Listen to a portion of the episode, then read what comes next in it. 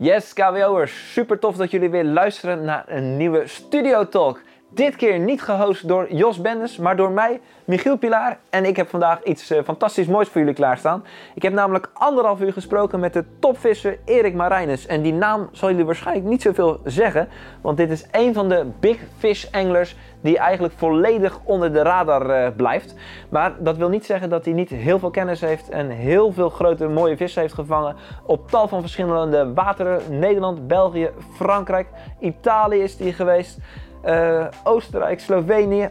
Hij is dus bijna overal geweest en eigenlijk kunnen we wel zeggen is hij ook overal succesvol geweest. Nou, in deze Studio Talk gaan we natuurlijk aan hem vragen hoe doet hij dat en hoe kijkt hij tegen bepaalde thema's aan. Van richts tot sponsoring, aas, alles komt eigenlijk voorbij. Dus ik zou zeggen heel veel plezier met deze Studio Talk. En wil je de beelden erbij zien, dat kan natuurlijk ook, want dan staat de video voor je klaar op de KWO Community. Dus ik zou zeggen, zak onderuit, pak wat popcorn en een biertje erbij. En dan kun je nu genieten van de Studio Talk met Erik Marijnus.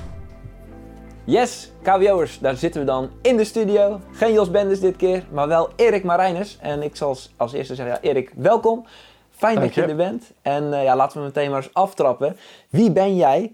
Hoe oud ben je? Hoe lang vis je al op karper? En ja, wat is je drive in het leven om je centjes te verdienen? Ja, uh, nou ja, mijn naam is Erik Marijnis, uh, 36 jaar jong. Net als ik. Ja, uh, dezelfde grijze haren, dus daar kan je het aan, uh, aan terugzien. ja, wat vis ik? Ik denk dat ik vanaf mijn tiende, twaalfde denk ik al op karpenvis. Mm -hmm. Dus dat is best wel een lange periode. Nog begonnen zonder piepers of, of, dat soort dingen. Leuk. dagelijks leven ben ik ondernemer. Ik zit in de energiebusiness. Ik koop elektriciteit en aardgas in voor bedrijven. En eigenlijk alles wat energie gerelateerd is kunnen ze bij mij over de schutting gooien. En dan uh, ja. ga ik voor ze... Ga je als een havik, ga je op jacht naar de grootste contracten? Ja. Doe je geen particuliertjes? Nee. Uh, kun je niet voor de KWO'ers die kijken even een mooie deal maken? Nee, nee particuliere markt is uh, te vrij zeg maar, in de markt. Waardoor je gewoon constant kan switchen en dat soort dingen. En dat ja. zorgt voor een hele administratieve romslomp. verrekeningen die over en weer gedaan moeten worden. Ja, dat is echt no-go. Dat is echt okay. niet te doen. Dus echt alleen zakelijke markt en... En heb je tijd om te vissen? Want ik weet een beetje, ik ken je al wat langer natuurlijk. Ja. En uh, ik weet dat je dan zegt, oké, okay, ik ga in uh, mei ga ik weer een week naar uh, Lac du Der.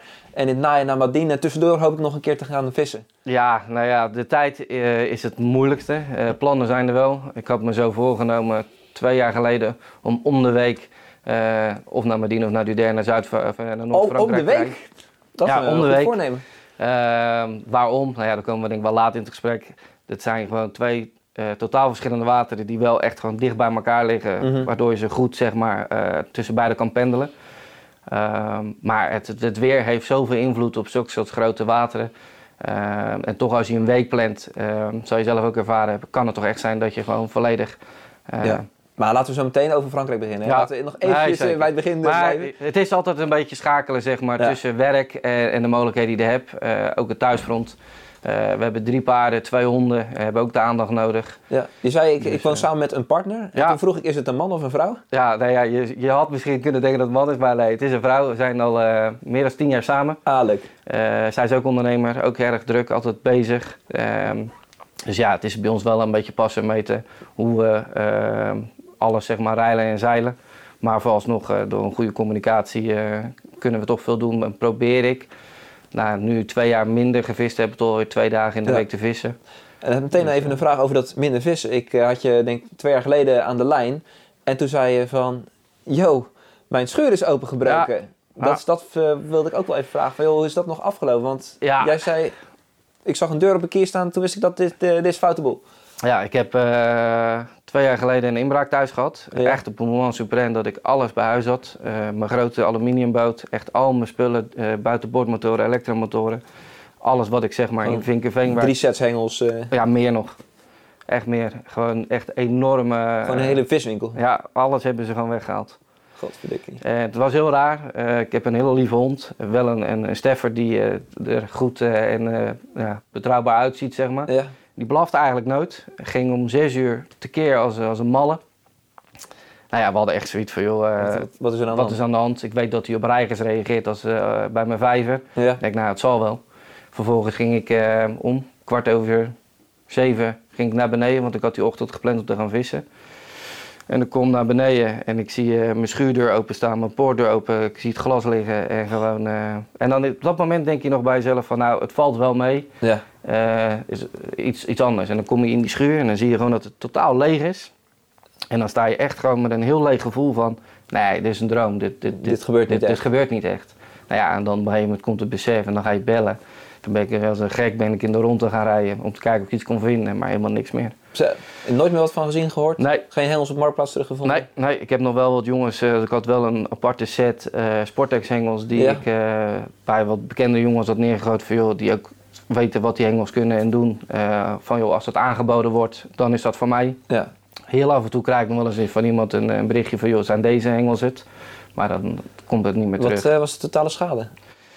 Ja, 25.000 euro. Zo! En dan heb je het nog gewoon jackpot over dagwaarde. eh, jackpot van, eh, heb ik jou daarvoor? Die... Ja, ja, echt gewoon alles. Het, eh, ik zeg het, ik, twee elektromotoren, 45 en 80 lbs voor het grote water. Ja. Ja, twee gewoon- buitenboordmotoren, hengelsets, de hele klederzooi. Zo. En Ja. verzekering, Ja, dat is goed gegaan. Het leuke was, is dat de verzekeringsagent die bij mij uiteindelijk kwam, eh, zelf ook visser was. was je ook KWO-lid? Of, eh? Nee, nee, hij zit eh, in de, in de roofvissers. Misschien dat Ah. Sjoerd hem kent, maar het is wel een bekende roofvisser volgens mij. Want hij doet ook mee met die Predator-wedstrijden. Ah, leuk. Ik ben even zijn naam even ontschoten. Dus die snapte De pijn. wat, de pijn is. En wat hij mij wel wel op geattendeerd heeft, is dat je eigenlijk foto's moet maken of je serienummers van bepaalde dure producten zeg maar moet archiveren. Kijk, het is dat wij vissers een hoop foto's maken en dat ik dus echt kon laten zien wat ik kwijt ben. Maar dan nog eh, vergeet je heel gauw nog wat je wel en niet had. Want binnen Ja. 24 uur wordt er dan gevraagd om die lijst op te maken. Maar je vergeet gewoon altijd wat. Ja. Want je hebt Ja, maar je zou dus zeggen, stel ik noem wat, je hebt eh, een set dure hengels van Sportex gekocht. Maak er foto's van dat je ze hebt. Ja. eh, noteer het bonnetje. Maak eigenlijk een document in de. Dropbox bewijs van waar je altijd bij kan. Ja. Ja, en je elektromotoren bijvoorbeeld, weet je, dat gaat ook hard. Je dieptemeters, eh, noem maar op. Het, het gaat natuurlijk vreselijk hard, die, Ja. Die som. Wat dat betreft is karpenvissen wel echt een dure hobby. En dat Ja. kan je dan... eh, Maar goed, inmiddels ben je weer back on track. Nee, nee. want Oh, nog steeds niet? Nee, eigenlijk na die inbraak, eh, nou ja, was ik het eigenlijk ook wel een beetje beu ook. Want je hele voorjaar, het gebeurde in april, zo'n beetje, dan eh, valt het weg. En vervolgens kreeg ik in juni te horen dat mijn vader ongeneeslijk ziek was. Och. En dat heeft vijf weken geduurd en toen viel die weg. Nou ja, toen had ik het helemaal, eh, toen eh, had ik zoiets van, ja weet je, dat vissen kan me nou helemaal gestolen worden. ja, Er zijn nu andere belangrijke dingen in de familie die ik moet regelen. oké. Dus daar ben ik heel druk mee geweest. Ehm, en einde 2019 heb ik met mijn meisje een nieuw huis gekocht met een hectare grond erbij, waar we dus onze beesten kwijt konden. Dan ben ik acht maanden aan het verbouwen geweest. En dat is nu eigenlijk ten einde. Dus dit jaar eh, gaat alles weer eh, vol gas. Ja. Zo. Dus ik heb eigenlijk twee jaar lang een slow beetje motion, eh, ja, een slow motion. Ik heb wel wat tripjes gedaan hoor. Maar is het dan zo Ehm. dat je ook daar dan ps- psychologisch last van hebt, omdat je vissen altijd als medicijn ziet om weer tot rust Ja. te komen, dat je dat dan Ja. nu niet hebt gehad? Ja. Ik ben heel erg een persoon die in mijn werk of in mijn visserij, het is niet een beetje, het is alles of niks. Ja. Dus iets een beetje doen, dat kan ik ook gewoon niet. Het is gewoon voorbereiden, het is voeren, het is doen, het is uitzoeken en het is timen en het is gaan. En als ik nu random eh nachtjes moet gaan pikken of wat dan ook, dan kan ik me niet voor opladen. Nee. Dat, dat, eh, dat sporadische vissen, dat, dat zit er bij mij niet in. Nee, ik heb het ook wel een beetje. Ik vind het heel fijn om eh, vier dagen een filmtrip te maken en dan alles Ja. te geven. Maar als je mij nu vraagt van, joh, ga je komende nacht mee om hier op- in Utrecht op een water te vissen? Dan zou ik zeggen, ja joh, ik ga vanavond wel werken, want dan doe ik eh, iets waarin ik het kan af, wat ik goed kan en wat ik, waar ik wat eh, resultaat uit kan halen. Ja. Ik vind het inderdaad heel moeilijk om dan zomaar te gaan vissen voor het eh, te gaan vissen. Ja, En ik, vroeger had ik dat wel. Toen ik 25 was, dacht ik, joh, ik ga nu lekker vissen omdat ik gewoon wil vissen. En ik, ik denk dat dat ook een beetje is als je eenmaal in dat ondernemen eh, zit, dat het heel moeilijk is om dat dan ook weer los te laten. Ja, en je hebt natuurlijk veel minder verplichtingen. Ik ben zelf ondertussen ben je natuurlijk vader. Ja. Ik heb natuurlijk mijn beesten. Eh, ja, daar intussen moet je toch allemaal een, eh, een- eh. ja, ook een ritme zien te vinden wat, wat kan. Ja. En ehm, nou ja, goed. je kan natuurlijk op kleine waters kan je heel snel denken van joh, ik prik een sessie om eventjes mijn hoofd te legen. Maar daar hou ik ook niet van. Nee. Dus ja, dat, dat, dat schiet er gewoon bij in. Dus ik heb nu zoiets, de verbouwing is klaar. Daar gaan we weer voor. we gaan er weer voor. En ja, de, de, nou ja, laat ik het zo zeggen, de, de plannen voor dit jaar zijn eh, gemaakt.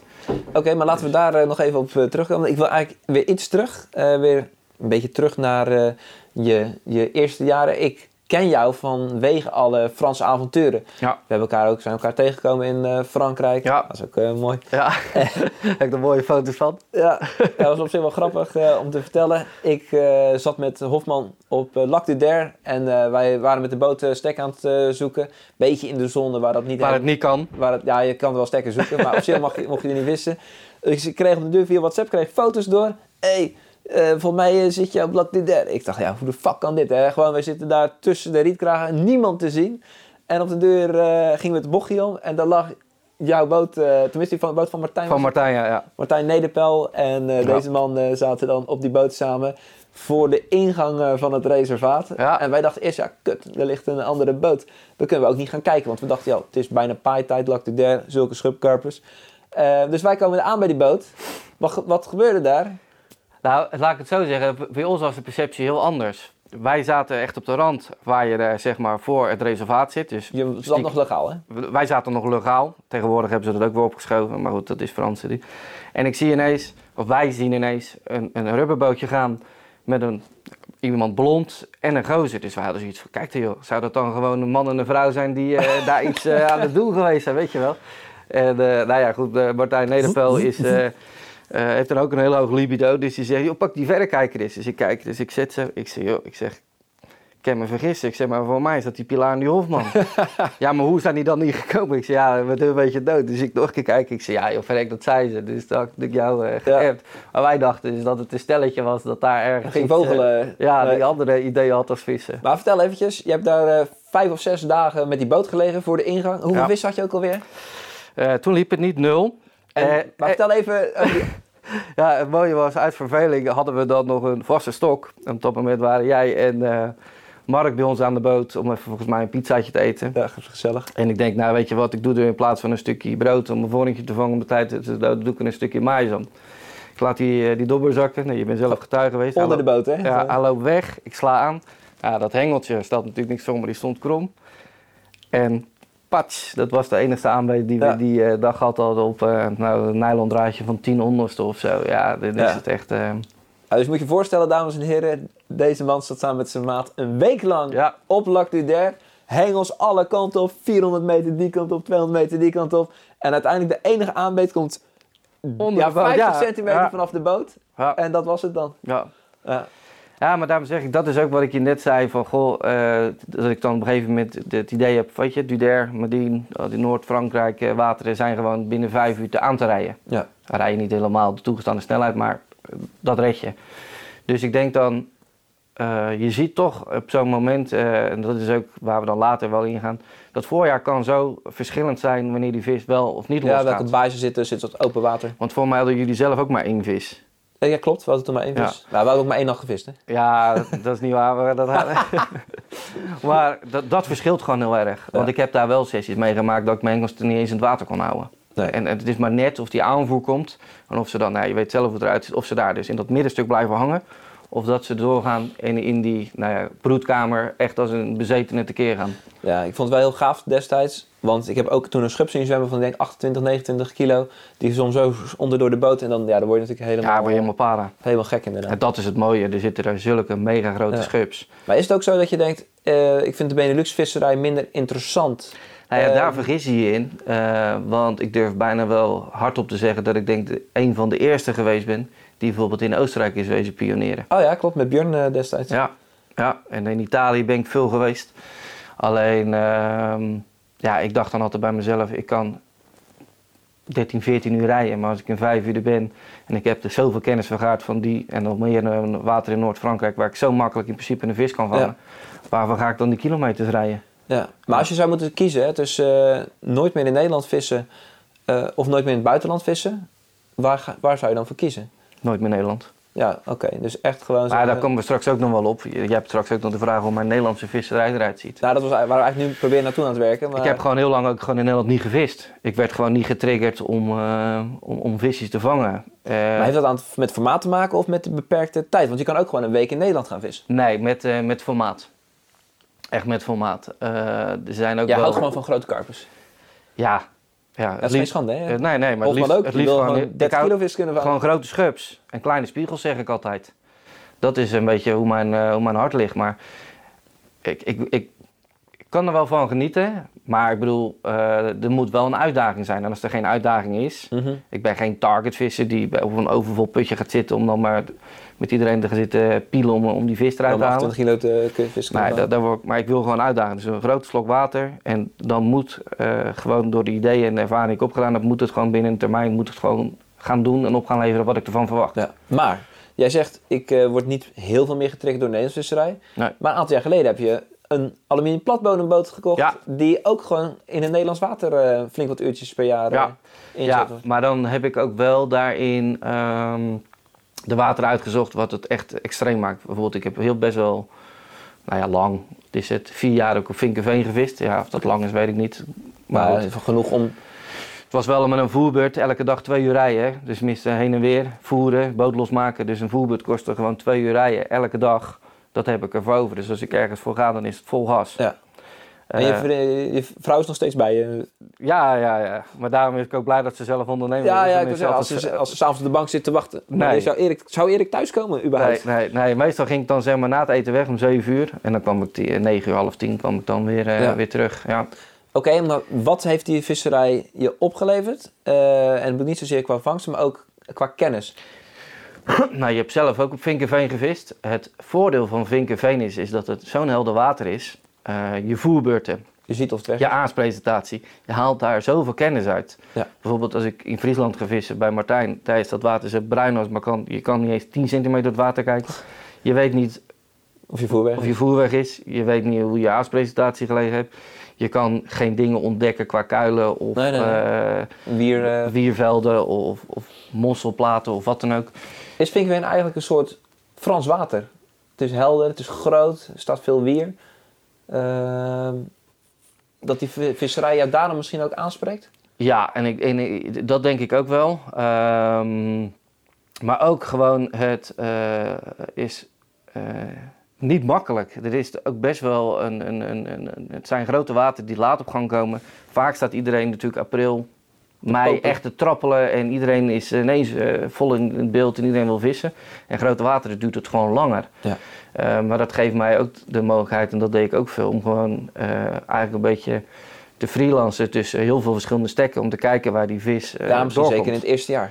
Als Ja. je, want als je wat tips zou moeten geven voor mensen die in Nederland willen gaan vissen op de wat grotere meren, wat zou dan jouw manier van aanvliegen zijn? Is dat inderdaad dan niet beginnen in april, maar gewoon wachten tot het water iets warmer Ja, is?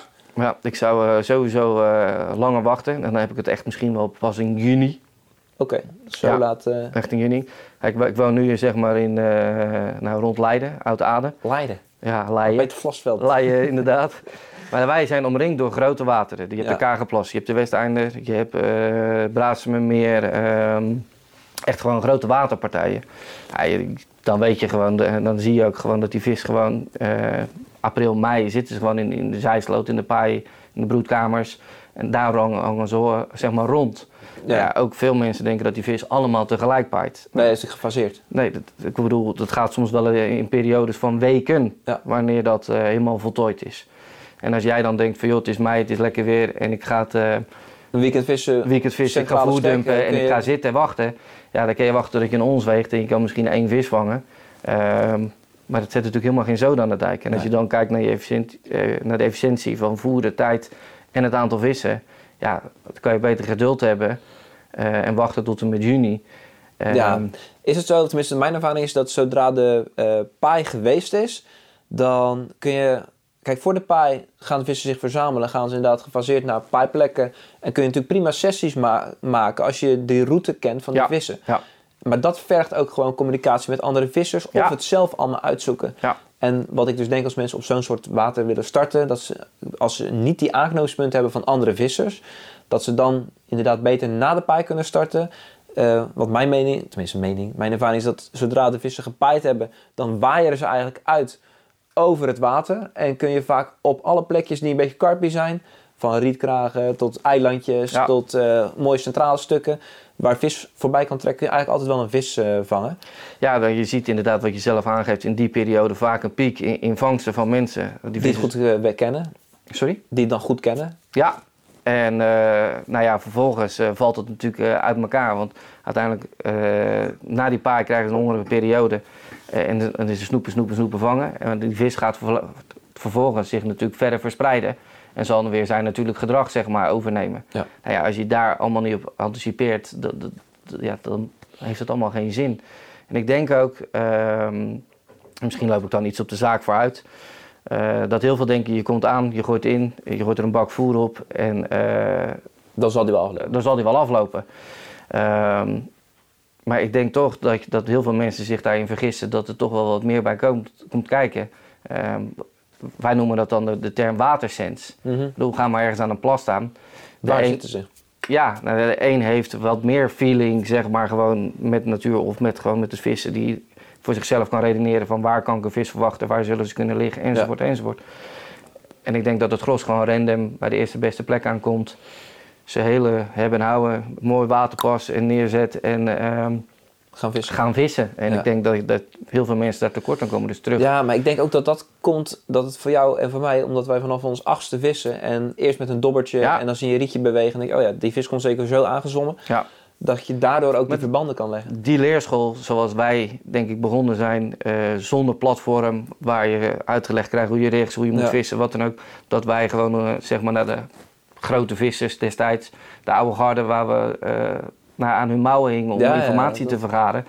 Dat dat gewoon helemaal niet meer is. Iedereen denkt nu van als ik een filmpje kijk, dan weet ik wel hoe, Ja. hoe ik het zeg maar moet. En ik wil niet zeggen dat ik alle wijsheid in pacht heb. Niet maar alles? wel, nou ja, veel. Wel heel veel natuurlijk. Heel veel. maar wel gewoon zeg maar eh, de basis heb gehad. Dus inderdaad het witvissen. En, en zo doorgegaan ben. Ja, want in hoeverre, eh, wat je natuurlijk heel veel ziet, is dat mensen nu in de winter, tenminste mensen, de, de karpenvissers, zeker de minder ervaren vissers, zitten heel de winter te denken, oh, ik ga nu eh, mezelf onderdompelen in rigs, ik ga Ronnie rigs maken, ik ga, eh, ja, ik zie je al een beetje kijken, ik ga kijken welke boilie ik dit jaar ga vissen. Maar ik denk dat dat voor jou heel anders is, dat je daar helemaal niet eens over nadenkt, hoe welke rig ga ik vissen of Nee. wat voor boilies. eh. Nee. Kijk, de enige manier dat ik mijn richt zou veranderen is als ik een andere type visserij ga doen. Maar als ik aan het bootvissen ben, met een rubberboot ernaast of met een voerboot, dan vis ik gewoon eh, eigenlijk eh 9 van de 10 keer met een soepel onderlijn. ja, Ik vis hem wel wat langer omdat ik eh, mijn voerstrategie daar ook op aanpas. oké. Eh, ja, wat verspreid. ja, dat ik grotere vissen wil hebben. Dus mijn onderlijn is altijd wel minimaal 20 centimeter. Er zijn wel eens. En dan gewoon een maatje 4, Ja, Een visje, eh zou ik interessant, vis je het liefst eh, bijvoorbeeld een snowman of eh, Nee. gewoon een zak, gewoon, Gewoon- een bolie uit de zak, gewoon bolie uit de zak. Ja. niks, niks. Niks speciaals of wat dan ook. Nee. Nee, en hoeveel procent, tenminste, hoeveel denk je dat, dat er voor jou in aas en rigs zit qua meerwaarde? Zie ik misschien een beetje een gare vraag. Nee, ik, ik snap wel waar je heen wil. Ik denk dat het hele nou, aas in dit geval en rechts, ik denk dat het een heel overtrokken eh, idee is waar iedereen eh, de Polonaise achter elkaar loopt. Je, je noemt net zelf al de, de, de Ronnie-rig. Mhm.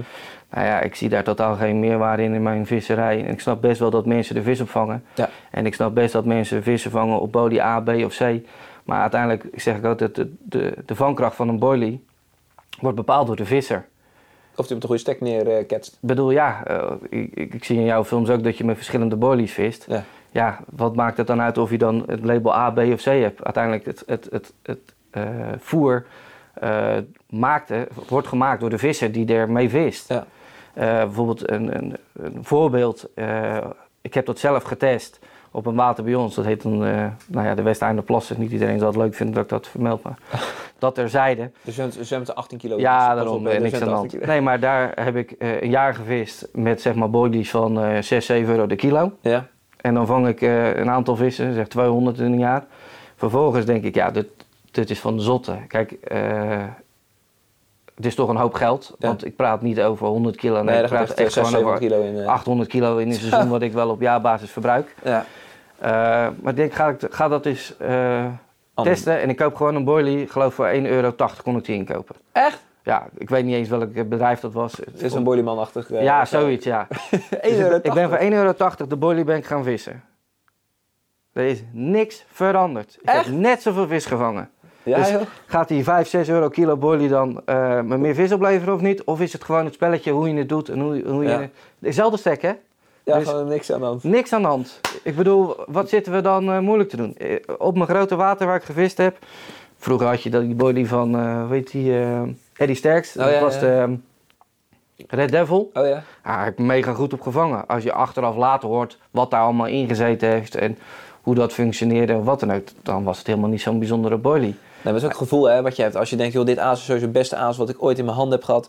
Dan, eh, als je een keer niks vangt, dan ga je van niet denken dat het aan je Nee, aas eh, ligt. kijk, en nou snap ik best dat er eh, aas, en dat ben ik wel compleet van eh, overtuigd dat de is wat attractiever Ja. is en wat natuurlijk qua europrijs wat duurder Ja. is.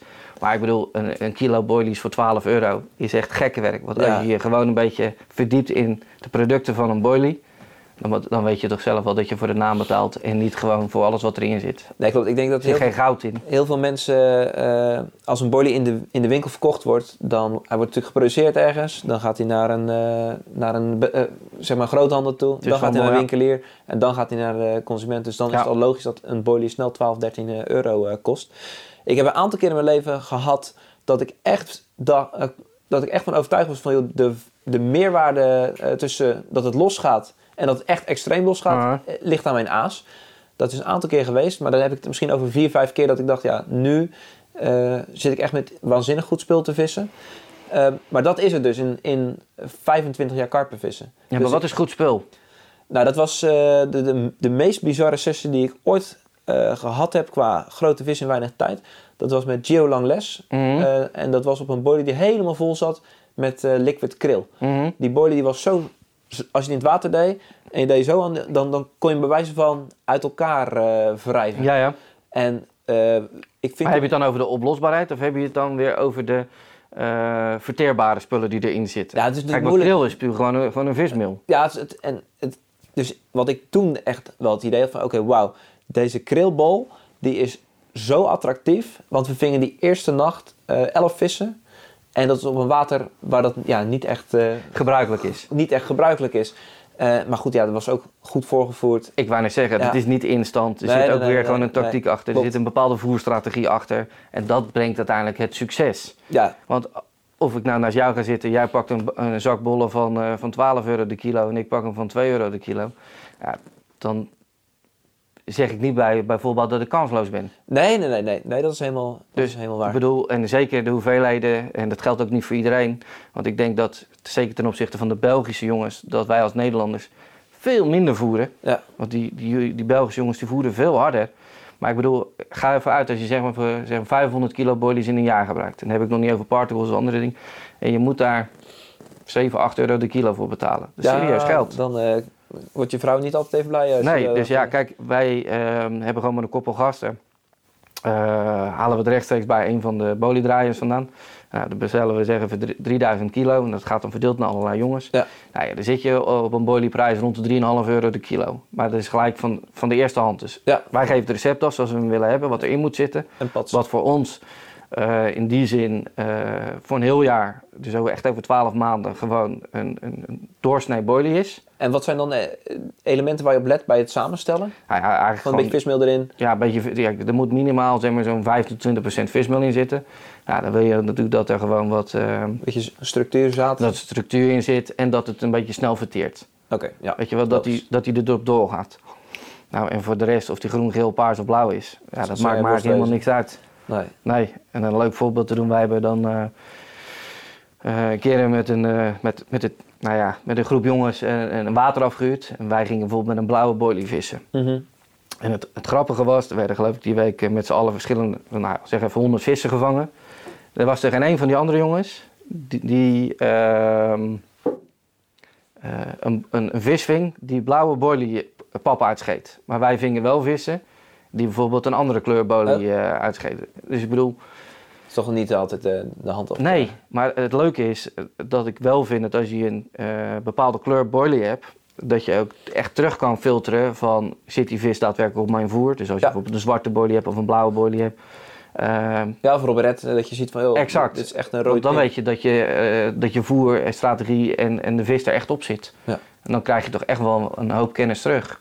En ik denk ook wat je, eh, terugkomend op het verhaal, eh, alleen een vis vangen is voor mij niet voldoende. Ik wil wel weten eh, waarom en hoe komt het. Ja, je bent meer dan alleen een, eh een, een trofeejager die alleen een vis wil vangen en dan vindt hij het best. Je wil gewoon dat een totaal plan Ja. lukt. Ja. Yes, yes, ladies and gentlemen. Bedankt voor het eh, luisteren naar het eerste gedeelte van de KWO Studio Talk met niemand minder dan Erik Marijnus. We hebben natuurlijk al een aantal mooie onderwerpen gehad, maar ik kan jullie vertellen, het wordt nog vele malen interessanter. Want we gaan nog de diepte in over pootvisserij, we gaan nog eh, de Franse grens over, het vissen op Lac du Der. Madine, hoe pak je dat nou precies aan? Zijn liefde voor Oostenrijk en Italië komt nog voorbij. We hebben het over sponsoring, aas.